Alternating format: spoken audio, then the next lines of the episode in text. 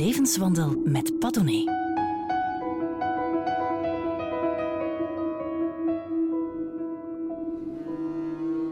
Officieel is Stijn Baart een arbeidsmarktexpert. Een Scrabblewoord met hoge waarde. De posterboy-econoom, zoals Instagram hem graag noemt, klinkt dan voor mij veel te buzzy en sexy. Hoogleraar arbeidseconomie dan maar.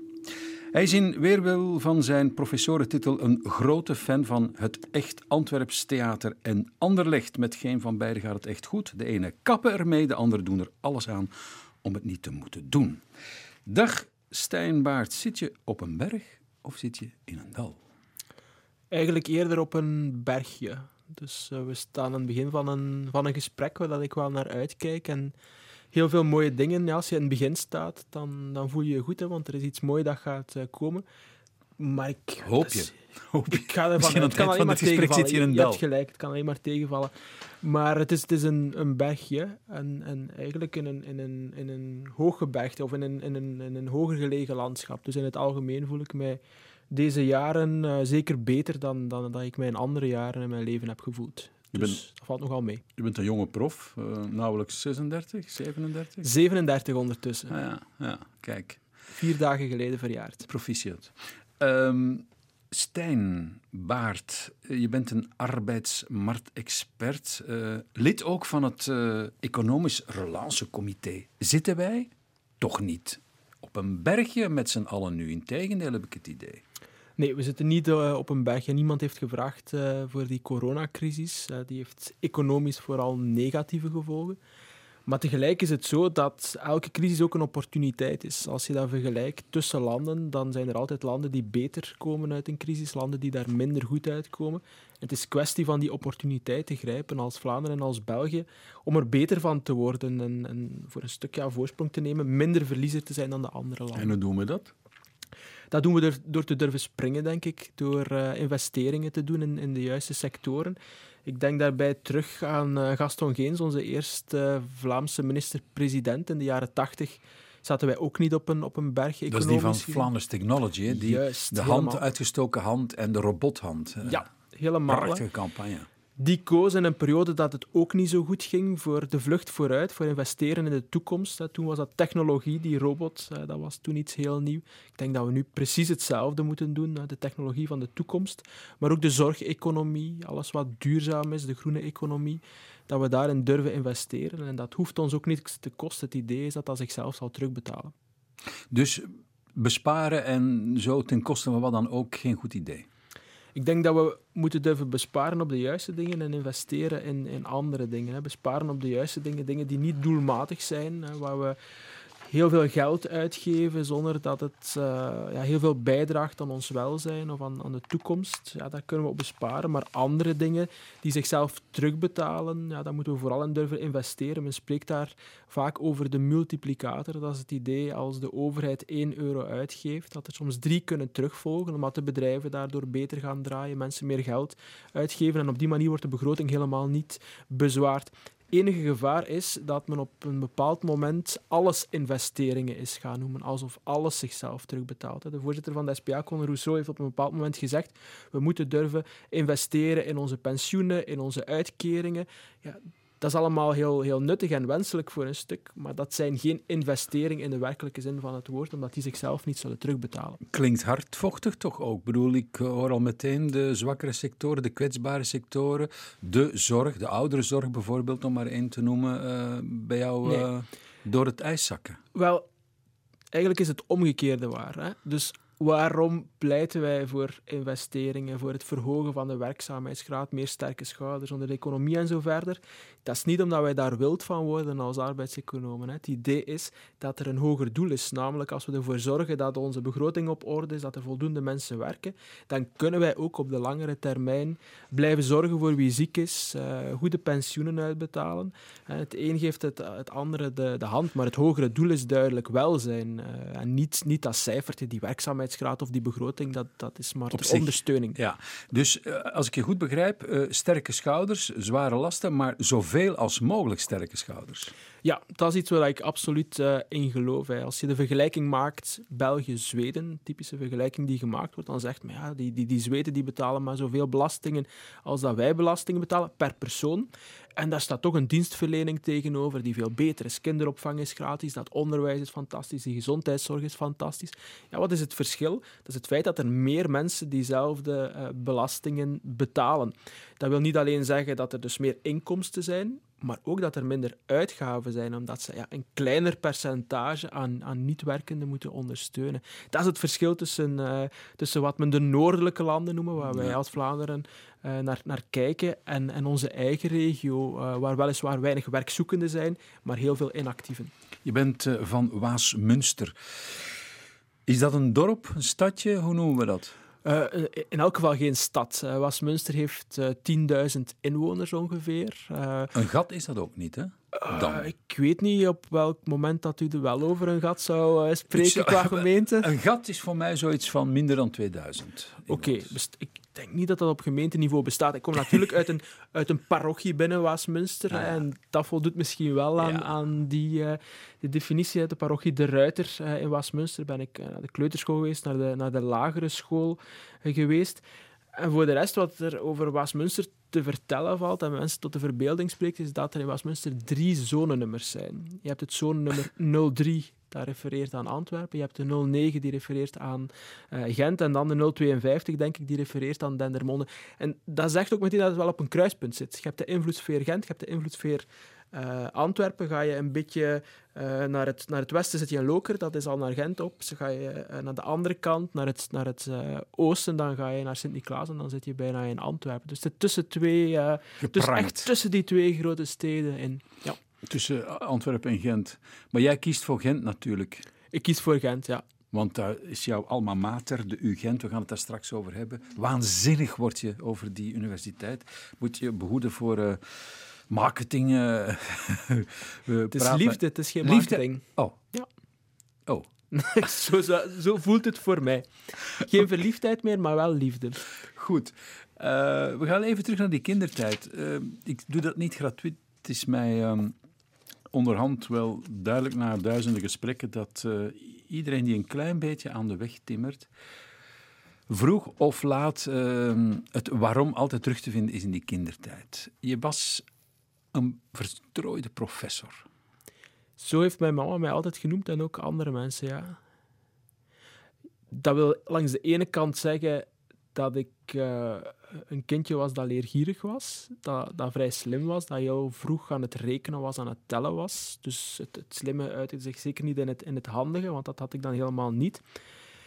Dus daar refereerde die, die professor aan, maar dat verstrooide was door het feit dat ik uh, heel veel in mijn hoofd al zat als, uh, als kleuter.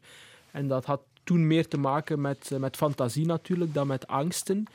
Maar, maar zij zag dat ik uh, meer dan, dan leeftijdsgenootjes aan het, ja, aan, het, aan het denken was in mijn hoofd was, uh, bezig was met, uh, met een en ander. En die twee dingen samen. ja, en dat in je hoofd bezig zijn, gaat dat gepaard met piekeren, met nadenken, met zorgen, met angsten? Ik kan me niet voorstellen dat ik dat als, als peuter en als kleuter al had. Maar ik, ik weet wel dat er op een bepaald moment een, een omslag is gekomen, rond, rond mijn achtste, negenste. Ik ging toen naar het, naar, het, naar het derde leerjaar en toen hadden wij elke dag een, een toets. En ik, ik, was flink, dus ik wou, ik wou tien op tien hebben. Mijn, mijn klasgenootjes van toen, als we een reunie hebben, dan, dan halen ze de herinnering op dat ik twee keer na elkaar een negen had en dat ik aan het wenen was in, de, in de klas. En dat heeft een druk op mij gelegd, waardoor dat, dat ik denk dat dat piekeren wel, dat in mij zat. Hè. Dus uh, mijn mama heeft dat ook. Ik ben daar genetisch bezwaard door dat piekeren.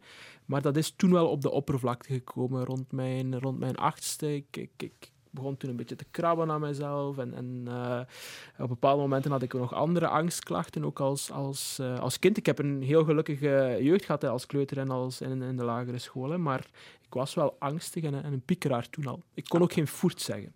Angst waarvoor? Om niet te te voldoen aan de eisen van je ja, mama? Ik denk niet dat het, dat het voor haar was. Ik denk dat dat wel in mij zat om, om te, te, te willen presteren op een of andere manier, met, uh, met te willen manifesteren. Maar vroeg of laat, als je dat uh, soort van streber bent, mm. eindigt dat toch met een klap tegen de muur? Ja, wel, dat is meer aan de oppervlakte gekomen in het middelbaar onderwijs, omdat daar die externe druk dan nog uh, plots, veel groter was. Ik zat toen op een, op een typisch college en, en dat kwam er duidelijk bij. Ik heb, ik heb nooit zoveel stress gevoeld als in het middelbaar onderwijs.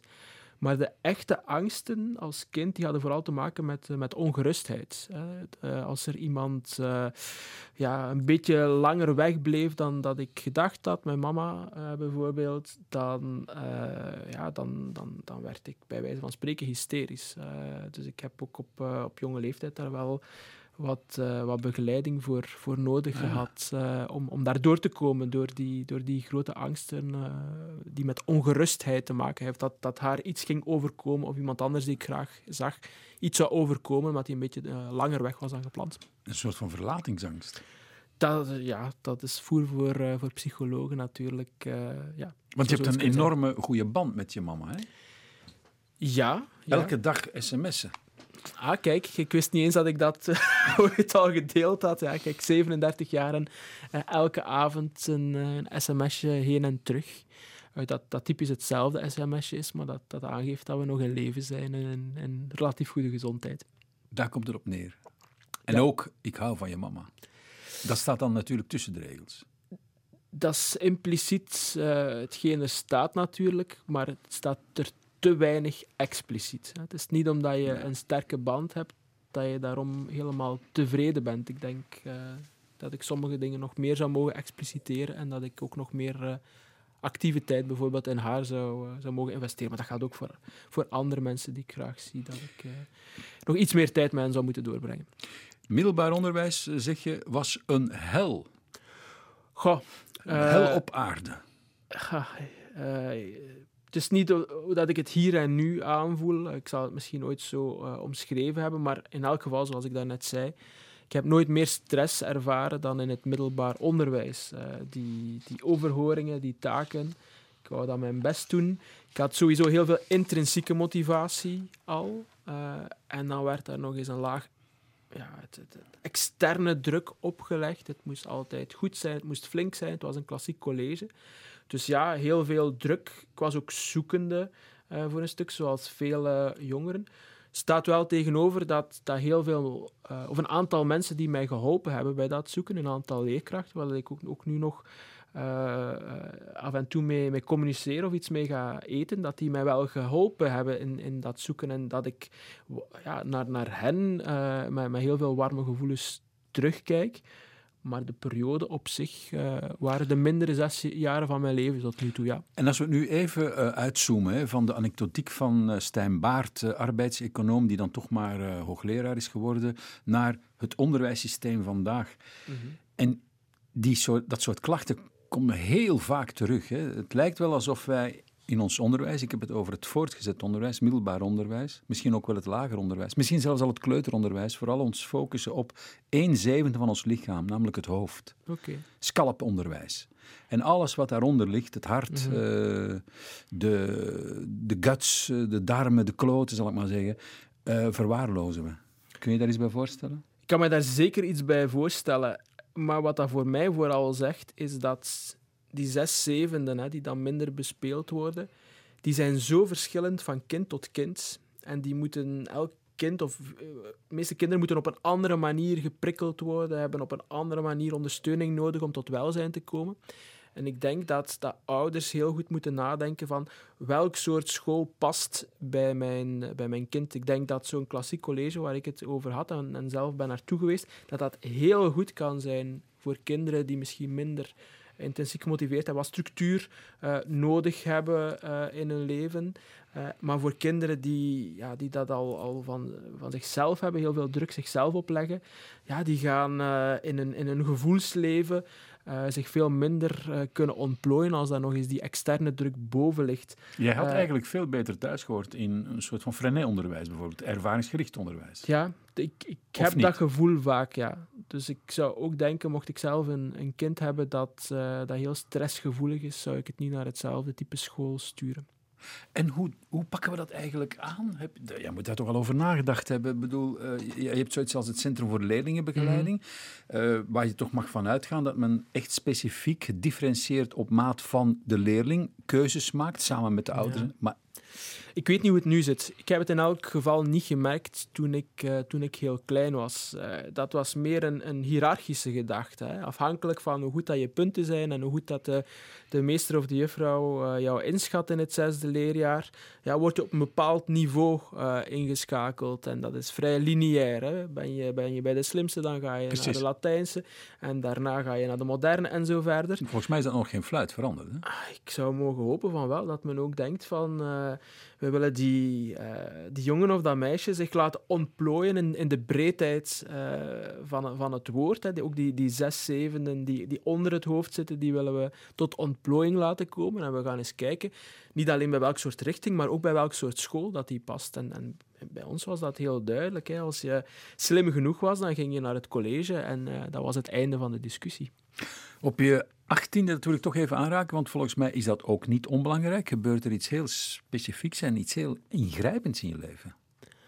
Ik vermoed dat je, dat je verwijst naar iets in, in de huiselijke situatie. Ja, ja het, is, uh, het is inderdaad zo dat uh, rond die uh, leeftijd mijn vader zelfmoord heeft gepleegd. Nu, dat klinkt misschien anders voor wie, voor wie luistert dan dat het is, omdat ik op dat moment eigenlijk niet echt een band meer had met hem. Dat ik ook wel wat afstand had genomen, ook al een, een, hele tijd niet meer sprak tegen hem, bijvoorbeeld. Dus um, ja, daar was al wat, er was al wat afstand ge gecreëerd voor mensen in mijn omgeving. zijn broers, zijn zussen, dus mijn tantes, mijn onkels, mijn zus, hadden dan natuurlijk een, een, totaal, andere, een totaal andere situatie die, die veel ingrijpender was dan dat ze voor mij was. Heeft dit want dat, hoe je dat draait of keert, natuurlijk, dat heeft iets Copernicaans uh, omwentelingachtig. Ik bedoel, als iemand die in principe jouw verwekker is, zichzelf van het leven beneemt, dan kan dat niet anders dan toch uh, implicaties hebben voor hoe je in de wereld staat.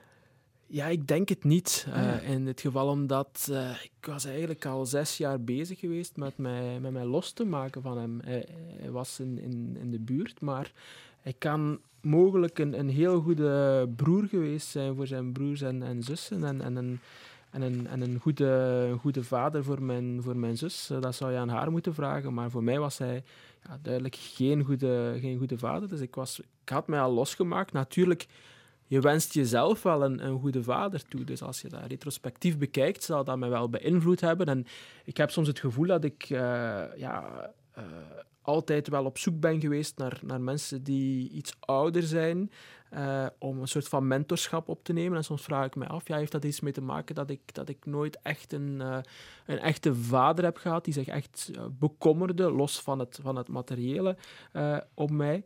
Um, maar dus die gebeurtenis rond mijn achttiende was, was wat dat betreft niet echt een omwenteling of heeft mij niet echt getekend. Natuurlijk, hetgeen dat daar vooraf aan ging, de, de, de, de, moeilijkere situatie thuis, ja, dat heeft natuurlijk wel een, uh, een invloed gehad. En ben je zelf, je bent nog geen uh, vader, nee. hè? Heb je ambities? Ja, maar dat heeft er natuurlijk ook mee te maken dat ik, dat ik zelf, of dat heeft er voor mij iets mee te maken, beter gezegd, dat ik, dat ik dat ik zelf die vaderband niet, niet, niet ervaren heb en dat ik het gevoel heb van dat zou ik toch wel beter willen doen, maar, maar los daarvan is dat iets dat, dat wel in mij zit. Ja. De universiteit, daar ben je volgens mij echt tot ontwikkeling gekomen. Dat was uh, grote fun, mm -hmm. als je zelf naar de UNF ging. En je bent daar blijven hangen eh, in de UGent. Uh, je, noemt, je hebt zelf een uh, Facebookgroep opgericht, zelfs We Are UGent, zal ik het maar zeggen, of yes. Gent. Um, Ga, jouw liefde voor die universiteit, voor die alma mater, gaat wel heel ver. Hè? Ja, ik kan me voorstellen dat sommigen het een beetje pathetisch vinden, maar ik vind dat niet erg, zolang ze maar niet twijfelen aan de oprechtheid. Uh, want het is oprecht. Uh, het is een gevoel dat mij op een bepaald moment is overvallen, net zoals het gevoel voor andere dingen mij soms kan overvallen. Het. Ik heb het niet zo heel snel voor iets of iemand, maar als ik het uh, heb voor iets of iemand, dan is het meestal nogal, nogal fel.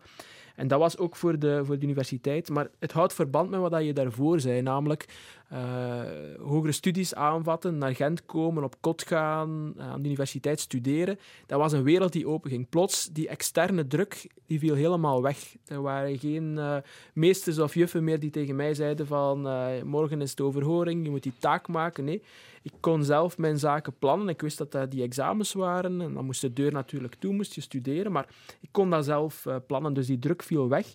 Daar stond tegenover uh, dat dat studentenleven zoveel mogelijkheden bood. Het, feit dat je je eigen baas was op kot zoveel mogelijkheden uh, bood. En dan ben ik in dat studentenleven gerold, met dank aan wat de universiteit daar allemaal mogelijk maakte. En dat heeft voor zo'n sterke band gezorgd dat het bijna logisch was dat ik ben blijven plakken.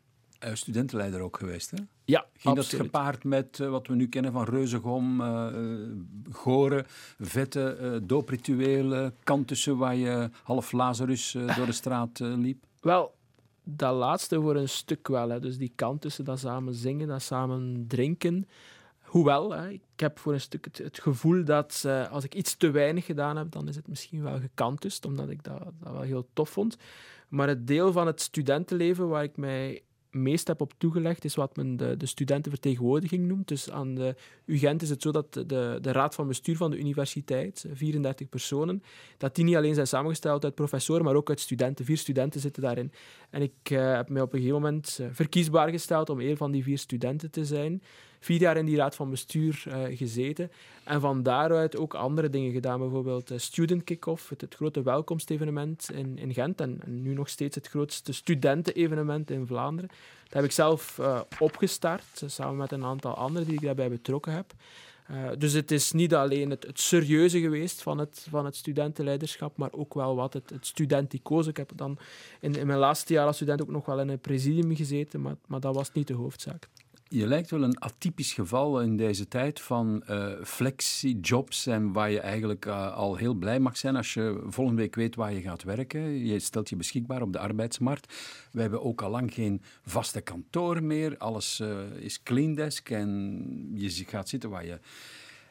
Het, wat zelden wordt belicht is wat dat ook kost aan de economie. Als je geen mensen meer hebt die echt betrokken nog zijn bij een bedrijf. Ik heb het idee dat jij heel erg nauw betrokken bent en dus gemotiveerd en dus een, denk ik, een goudmijn voor je, voor je, voor je bedrijf.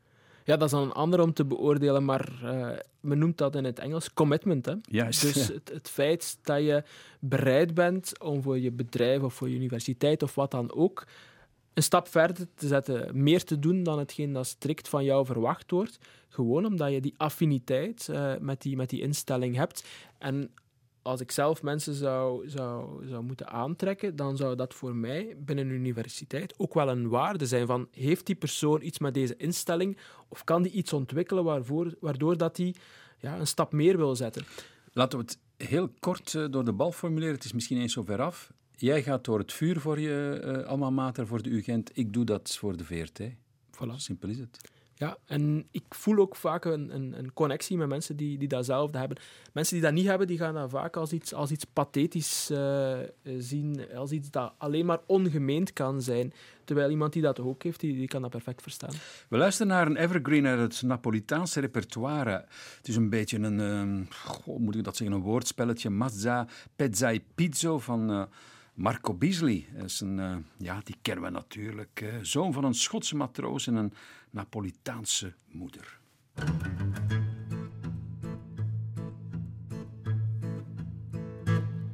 Carlo Mazza e Rosa Pezza si sposarono, però il connubio fu infelice, un inferno diventò. Lui diceva per sta pezza ho perduto ogni sollazzo. Lei diceva questo mazzo che fastidi che mi dà. Fu così che Rosa Pezza un bel giorno si invaghì d'un amico un certo pizzo e con lui se ne fuggì. Pezza e pizzo, senza mazza, se ne andarono a Milazzo. Oi lì, oi là, oi lì, oi là. Il tradito Carlo Mazza sono io. eccomi qua, a se ingocciarno sapezza, a Milazzo insieme a pizza, va sicuro, faccio pazzo, faccio pazzo, voddichia, poi vedrete se lo fa, se lo fa, se lo fa, poi vedrete se lo fa.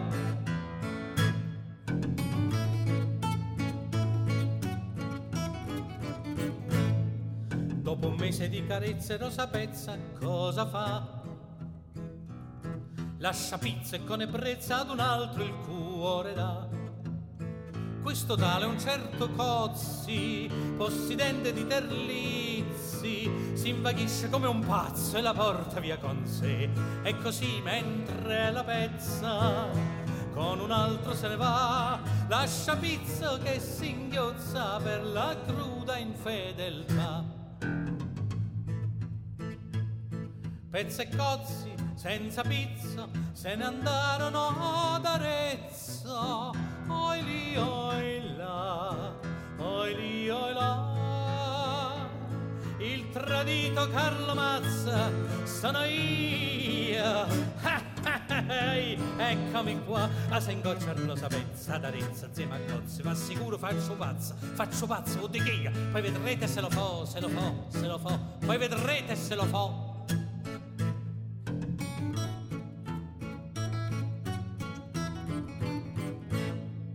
Per un pizzo e per un gozzi quella infame che mi fe. Ma c'è adesso Alberto Rizzo che tradisce tutti e tre. Pizza e cozzi custurizza si incontrarono a Barazze e per quella ingrata pezza una rissa si ingaggiò. Quel tal cozzi disse a Pizzo non quel rizzo ucciderò e nemmeno a rosa pezza prendo il treno e me ne vo'. Pizza e Rizzo, senza cozzi, si lasciarono a. Oi lì, oi là, oi lì, oi là. Caprone Carlo Mazza sono io. Eh già, eh sì, eccomi qua. Ora pezzo senza pizza, senza mazza, senza cozze, senza rizza, sola sola, per il mondo vagherà, che rimorsi porterà. Boh, chissà che la possino ammazzare, che la possino ammazzare. Wat een heerlijk nummer is dat. Napolitaanse spielerij Mazza Pezza e Pizzo met uh, Marco Beasley. Bij mij zit uh, Stijn Baart, hij is uh, arbeidseconoom. grote fan van het Echt Antwerps Theater en van Anderlecht. Daar komen we straks nog wel op terug, want dat zijn toch wel twee zeer ongebruikelijke mm, dingen. Stijn, je hebt een mantra een gebedsmolentje. Dat, uh, en dat helpt natuurlijk op een bepaald moment, weten de mensen het wel. Dat klinkt als werken meer laten lonen. Je hebt er al eerder naar verwezen. De werkzaamheidsgraad in Vlaanderen bijvoorbeeld is 75%. In België is dat niet eens 70%. In Zweden, waar je zo graag naar teruggrijpt, is dat 85%. Nu zeg jij, wat wij eens dringend moeten gaan doen, dat is die inactieve actief maken. Maar dat zijn niet de werkzoekenden, maar dat gaat maar over 5%. Nee, dat gaat over 25% inactieven. Wie zijn dat dan, Stijnbaard? Zieken uh, die je dringend weer uh, uit hun bed gaat halen? Bedlegerige mensen met burn-outs? Uh... Wel, nee. Het is te zeggen, die zitten in die categorie van inactieven. Hè. Inactieven zijn al diegenen die geen werk hebben, maar er ook geen zoeken. Maar het doel is niet om, om die mensen effectief uit een, uit een bed te halen, die, die bedlegeren wegens, wegens ziekte. Uh, het omgekeerde is waar. Ik heb het net aangegeven. Hè. Het feit dat ik, dat ik pleit voor de activering van een grote groep van inactieven is net omdat we voor die mensen zouden kunnen zorg dragen dan is de vraag om welke categorieën gaat het nog, uh, die, die groep van inactieven. Dan gaat het over huismannen, huisvrouwen. Gaat het over mensen die ooit een baan gezocht hebben, maar ontmoedigd zijn geraakt. Uh, niet verder zoeken, zetten die, die zoektocht naar een, naar een baan. Gaat het om mensen die vervroegd de arbeidsmarkt verlaten, dus die voor de 65 uh, eh, op brugpensioen gaan, op, op vervroegd pensioen gaan. Dus er zijn veel meer categorieën dan, dan degene waar je naar verwezen hebt. En vooral niet-jongeren. Dus dat zijn jongeren zonder werk. Eh, eh, dus no, eh, not in employment, education of training. Mhm. Dus ze zitten zonder werk, ze hebben geen opleiding achter de rug, ze, ze, hangen maar wat rond. Dat zijn, zeg je, jullie hebben daar hele precieze cijfers over, ongeveer 30 procent. Wel, van de jongeren. Die... Van een, ja, in bepaalde groepen, in, in bepaalde eh, contexten is dat, eh, is dat effectief zo. En, en het, kernpunt daar... Ja, het kernpunt is dat eh, in Vlaanderen en in België, dat we, laten we zeggen, tussen de, tussen de 25 en de 50 jaar, dat we, dat we heel hard werken met heel veel mensen. Dat we voor een stuk uitgepest worden. En waarom is dat voor een stuk nodig? Of voor, waarom, ja, waarom doet zich dat voor en, en veranderen we dat niet? Dat is omdat helemaal bij het begin van de carrière en bij het einde van de carrière dat het veel moeilijker is eh, om mensen aan de slag te houden langs de ene kant en aan de slag te krijgen bij het begin van de carrière. En daar valt effectief nog, nog heel wat te activeren. Dus eh, als je zegt van inactieve eh, activeren, dan is dat geen eh, harteloze kreet van een ultraliberaal of een, eh, ehm, iemand die, die alleen maar mensen wil ehm, met een stok achterna zitten. Nee, dan gaat dat eigenlijk in de eerste plaats om een warme oproep voor een solidaire samenleving eigenlijk. Dat klopt. Op Als ik je goed begrijp. ja, op het niveau van de, van de samenleving is inderdaad de bedoeling dat we, dat we op lange termijn ook voor, die, voor mensen kunnen, kunnen zorgen. Maar ook op het niveau van die individuen zelf en hun gezinnen ben ik ervan overtuigd dat op het moment dat zij een baan vinden, dat zij naar een beter bestaan eh toegaan. Dat gaat niet alleen over het financiële, want het is duidelijk, eh, wanneer dat je gaat, gaat, gaat werken, dan eh, is dat een, een, een grote kans dat je de armoede ontloopt. Het is geen garantie, maar toch, toch een grote kans. Maar ook daarnaast weten we uit heel veel onderzoek dat wie een baan heeft zich veel meer betrokken voelt bij de, bij de maatschappij, zich, zich beter in zijn vel voelt, zich ook als mens, die zes zevende van daarnet, alles onder het hoofd, ook veel beter kan ontwikkelen. Dus het is, het, is, het is niet alleen maatschappelijk gezien wenselijk dat we met meer mensen aan de slag gaan, maar voor veel gezinnen, voor veel individuen zou het voor hen ook een goede zaak zijn. Iedereen eh, die we hier vragen brengt boeken mee. Dat, dat is een beetje een verzoek eh, dat nu al tien jaar loopt. Er zijn andere programma's die daarmee eh, ook op de proppen zijn gekomen. Goed, dat is uh, tot aanbeveling eh, dat ze naar ons kijken. Er is een boek, zeg je, waar ik op slag verliefd op ben geworden. Dat heb ik eigenlijk nog maar zelden of nooit meegemaakt. En dat is Bistro Belge. Ja. Wat voor boek is dat? Het is een, het is een vrij recent boek waarin een aantal Belgische bistro's worden beschreven. Ja, het is uh, vrij evident als je de titel van het boek natuurlijk hoort.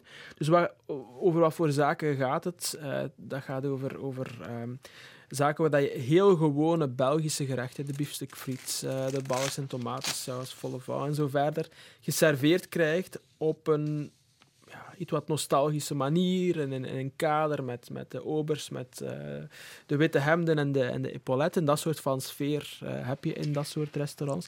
En dat is precies het soort restaurant waar ik van hou. Ik, ik hou helemaal niet van het, het, het experimentele, de, de, de, kleine hapjes.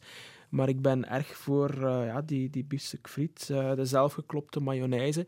En ik voelde die, die sfeer die ik zelf voel wanneer ik uh, op restaurant ga met, met, met iemand, die voelde ik in dat, in dat boek perfect beschreven. Maar het zijn bistro's, zijn restaurants met naam en die al een hele lange tijd meegaan. Bedoel, het zijn geen nieuwerwetse dingen, nee, het zijn echt bijna instituten geworden. Ja, ja, om ze een aantal met naam ja. te noemen. Je hebt de, de Siphon in Brugge, je hebt er in, Damme, Bru ja. in Damme, excuseer. Ja, uh, je hebt uh, in, in, Brussel een aantal van die bistro's. Ozarme de Bruxelles. Voilà. Uh, en en ja, die, die zaken zijn instituten, wat niet wil zeggen dat ze overpriced zijn. Want als je in, in, die, in die restaurants zit en je krijgt op het einde de rekening, dan heb ik altijd het gevoel voor de, voor de avond die ik heb meegemaakt, is dat echt een, een faire prijs. Terwijl uh, mensen zien het niet, uh, ik gebruik bewust geen uh, webcamera, maar je bent slank. Hoe doe je dat dan? Hoe combineer je dat met goed, goed Belgisch-Bourgondisch eten? Ja, ik heb daar juist verteld dat ik, dat ik wat genetisch bezwaard ben door, door, door piekeren en angsten. Maar langs de andere kant ben ik ook verlicht uh, genetisch door een, door een vrij goed metabolisme. Uh, dus dat wil zeggen dat ik, dat ik vrij veel kan eten zonder, zonder te verzwaren. Ik heb ooit wel een, een paar kilo meer gewogen. Ik ben er toen een beetje meer beginnen opletten en, en nu sport ik ook wel uh, regelmatig, al frequent. Een van die uh, bistro Belges, een van die cultuurinstituten is uh, Le Taverne du Passage in uh, een Art Deco restaurant in het hart van de Galerie Royale Saint-Hubert. 1928 opgericht. En het kader is nog behouden. Dus als je wil weten hoe onze voorouders daar in Art Deco hebben geleefd, dan, dan moet je daar zeker gaan zitten. Um, je komt er graag? Ja, uh, je hebt die zin voor esthetiek. Het is ook mooi om, om in zo'n zaak te zitten. Je, voelt dat, dat, daar, dat, dat je daar niet alleen zelf een goede avond aan, aan het beleven bent, maar dat daar ook al decennia lang uh, mensen een, een, goede avond hebben.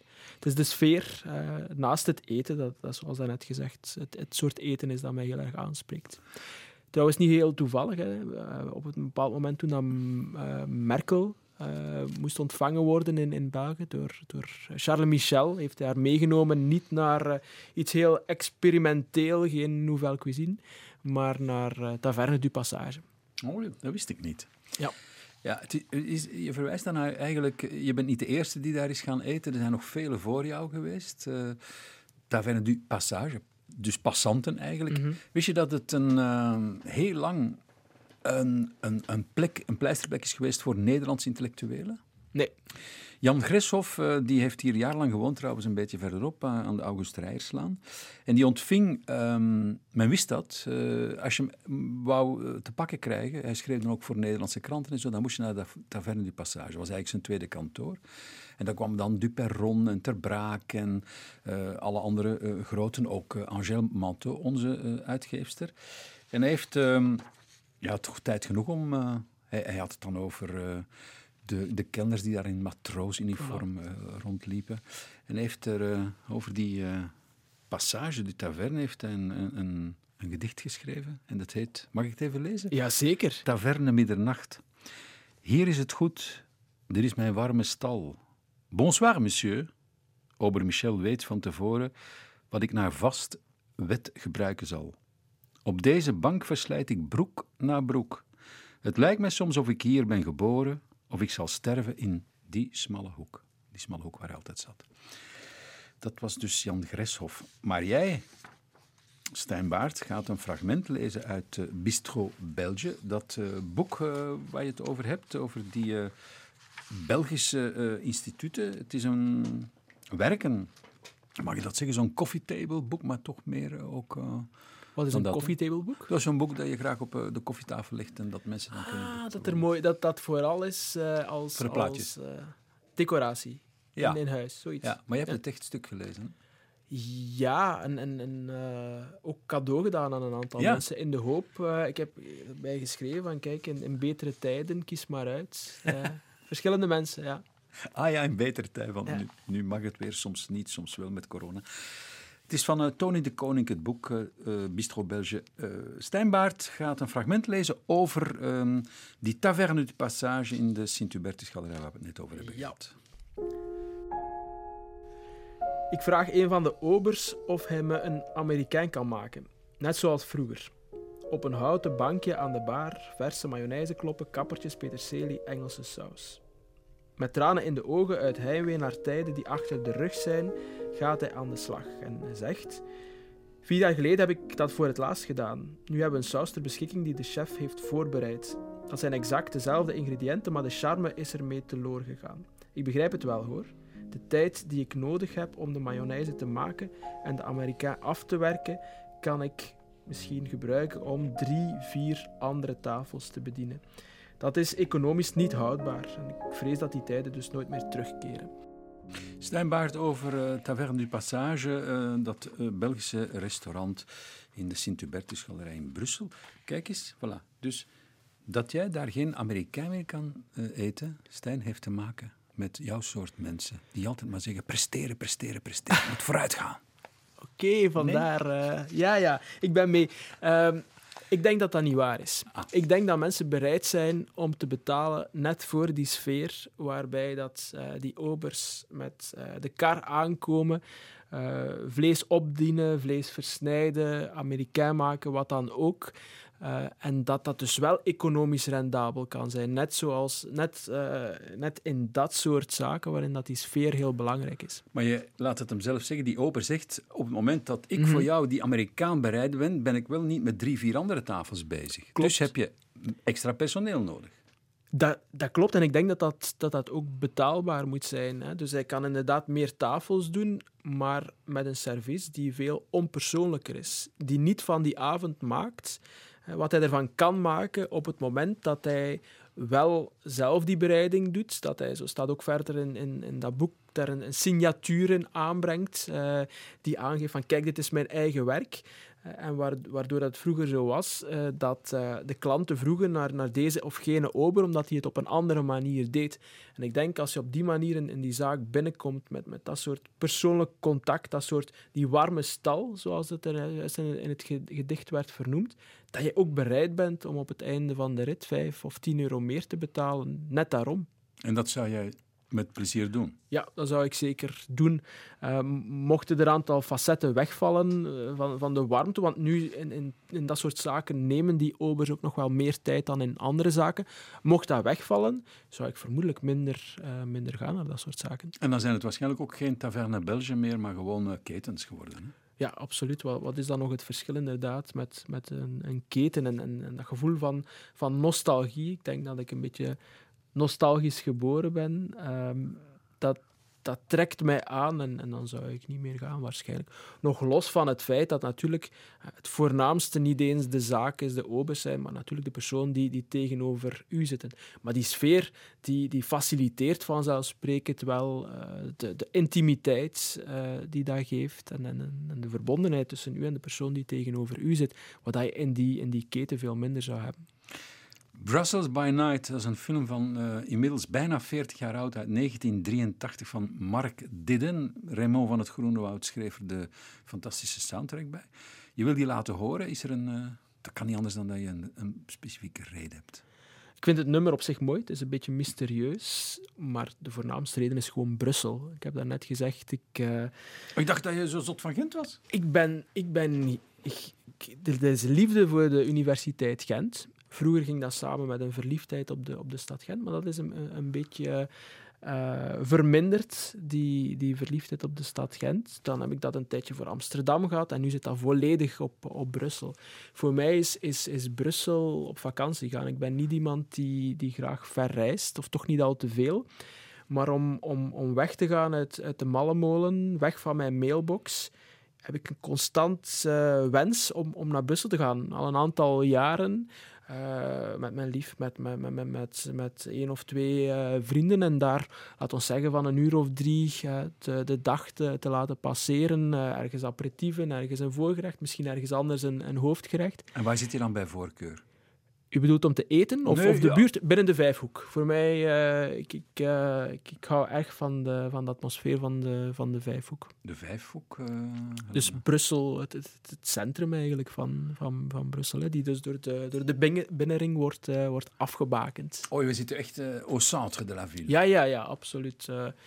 dat heeft ermee te maken dat ik volop aan het ontdekken ben. Hè. En ik denk uh, dat er binnen die vijfhoek, binnen dat centrum, zodanig veel te ontdekken valt, dat het wel even duurt voordat je daar volledig buiten gaat. Brussels by Night, heel in het bijzonder voor Stijn Baart, Remo van het Groenwoud.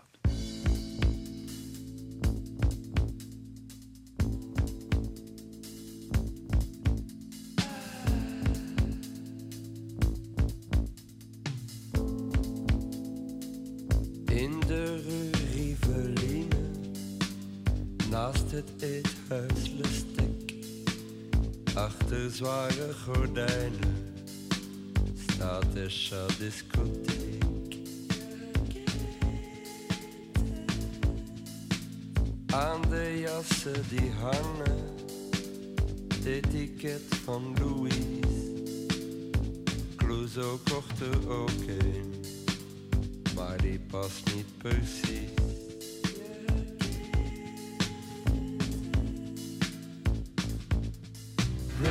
Night, allerlei lichtjes, veel strangers in the straat. In Brussels by night.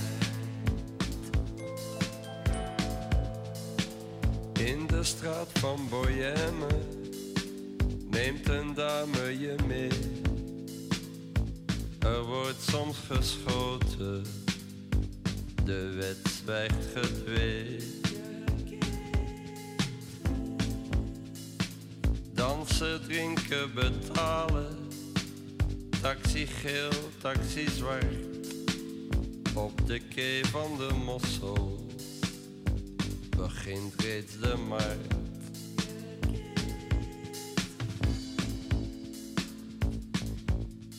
Brussels by night, allerlei lichtjes. Veel strangers in de straat en katers bij het ontbijt in Brussels by night.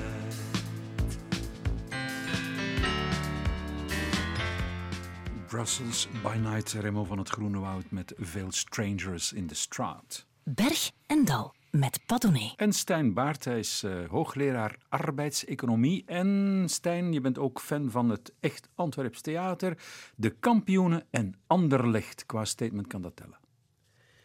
Ja, dat komt al wel eens voor in, in, in, in een gesprek. Maar ik denk dat er ook geen, geen, geen reden is om, om dat voor uzelf te, te ontkennen. Hè. Het is niet omdat misschien anderen van u verwachten dat je als prof, weliswaar niet als hoogleraar, ik ben nog maar docent, ik zit nog maar aan, de eerste trappen van het, eh, van het professoraat, dat je dan gewoon eh, ja, je, je dagen vult met naar de opera te gaan en heel moeilijke boeken lezen. En ik, ik hou wel ook van, van een aantal complexe zaken.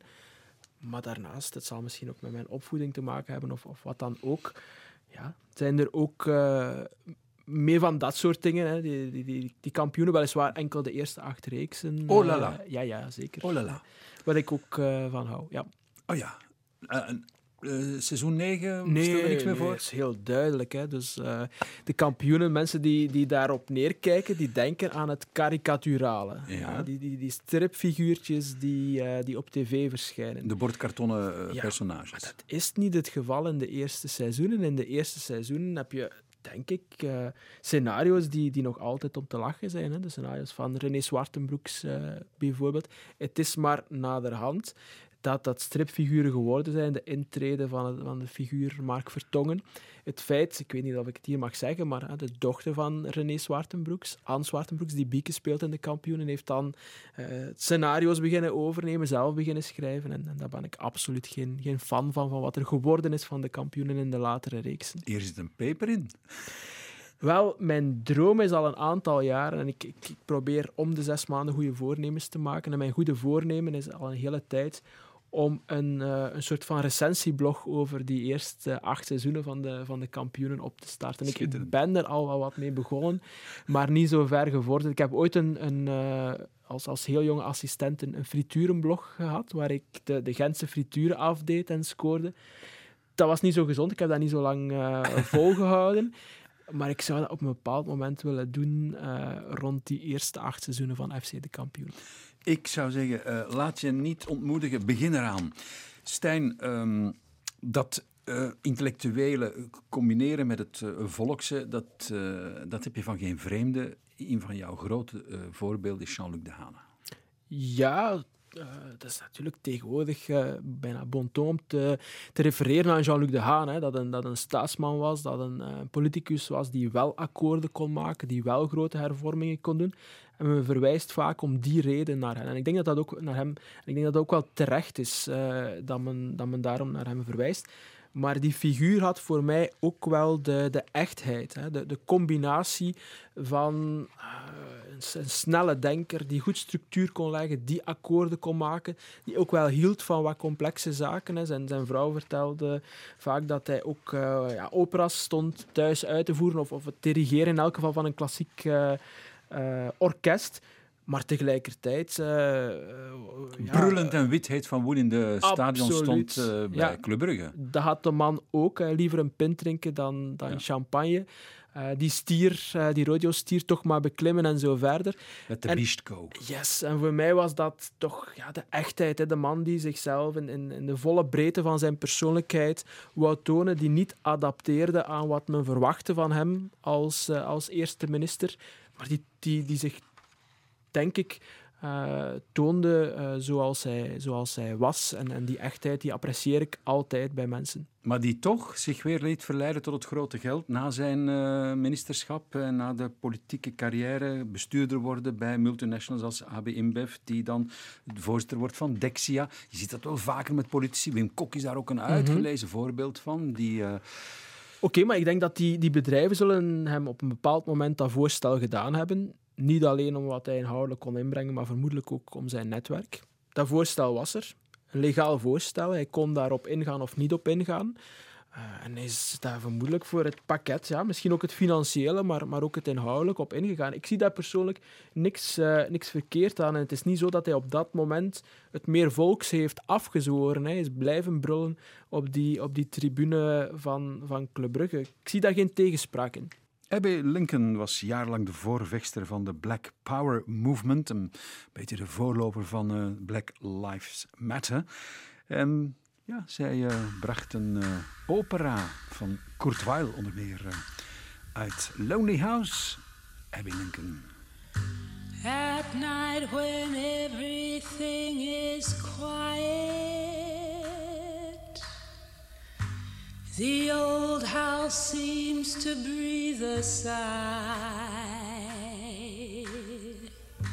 Sometimes I hear a neighbor snoring. Sometimes I hear a baby cry.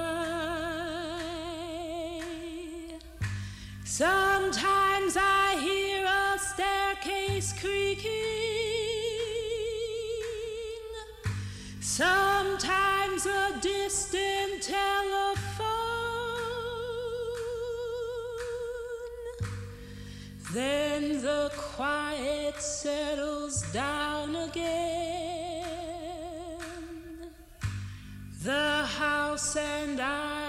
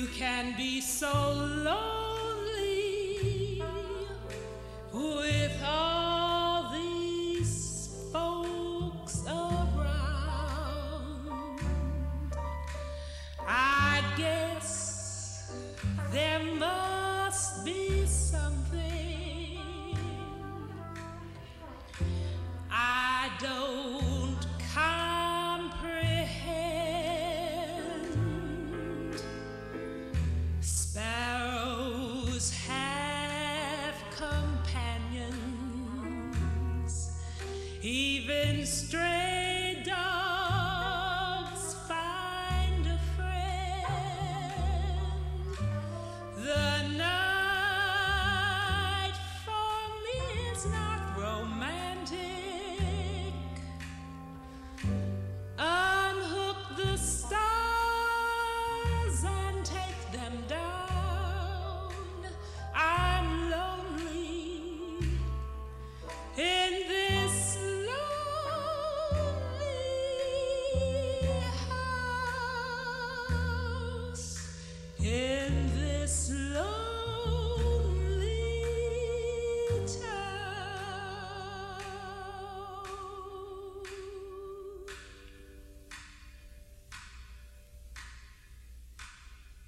Lonely House van Abby Lincoln uit een Amerikaanse opera van Kurt Weill, Street Scene. Bij mij zit nog heel even Stijn Baart, arbeidseconoom. Wat is jouw credo, Stijn? Wel, laat het mij formuleren als iets wat ik relatief tevreden ben over mijzelf. En dat is mijn eh, relatief grote harde schijf voor, voor mensen die goed voor mij zijn. Ik probeer altijd zeggen, beter te zijn voor, voor, wie, voor wie goed is. En dat schept voor mij heel veel bevrediging. Als ik iemand die echt voor mij gekozen heeft op een moment dat het ertoe deed, later eh, hetzelfde kan teruggeven, maar nog veel meer, dan ben ik daar heel tevreden over.